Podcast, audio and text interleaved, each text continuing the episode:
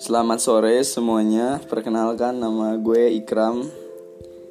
Gue tinggal di Bekasi. Uh, gue mahasiswa semester 4. Um, gue tertarik sama hal-hal yang patut dipertanyakan, patut dibicarakan, hal-hal yang dipertanyakan lebih dalam lagi yang gak cuma di permukaan tapi menyelam sampai ke dalam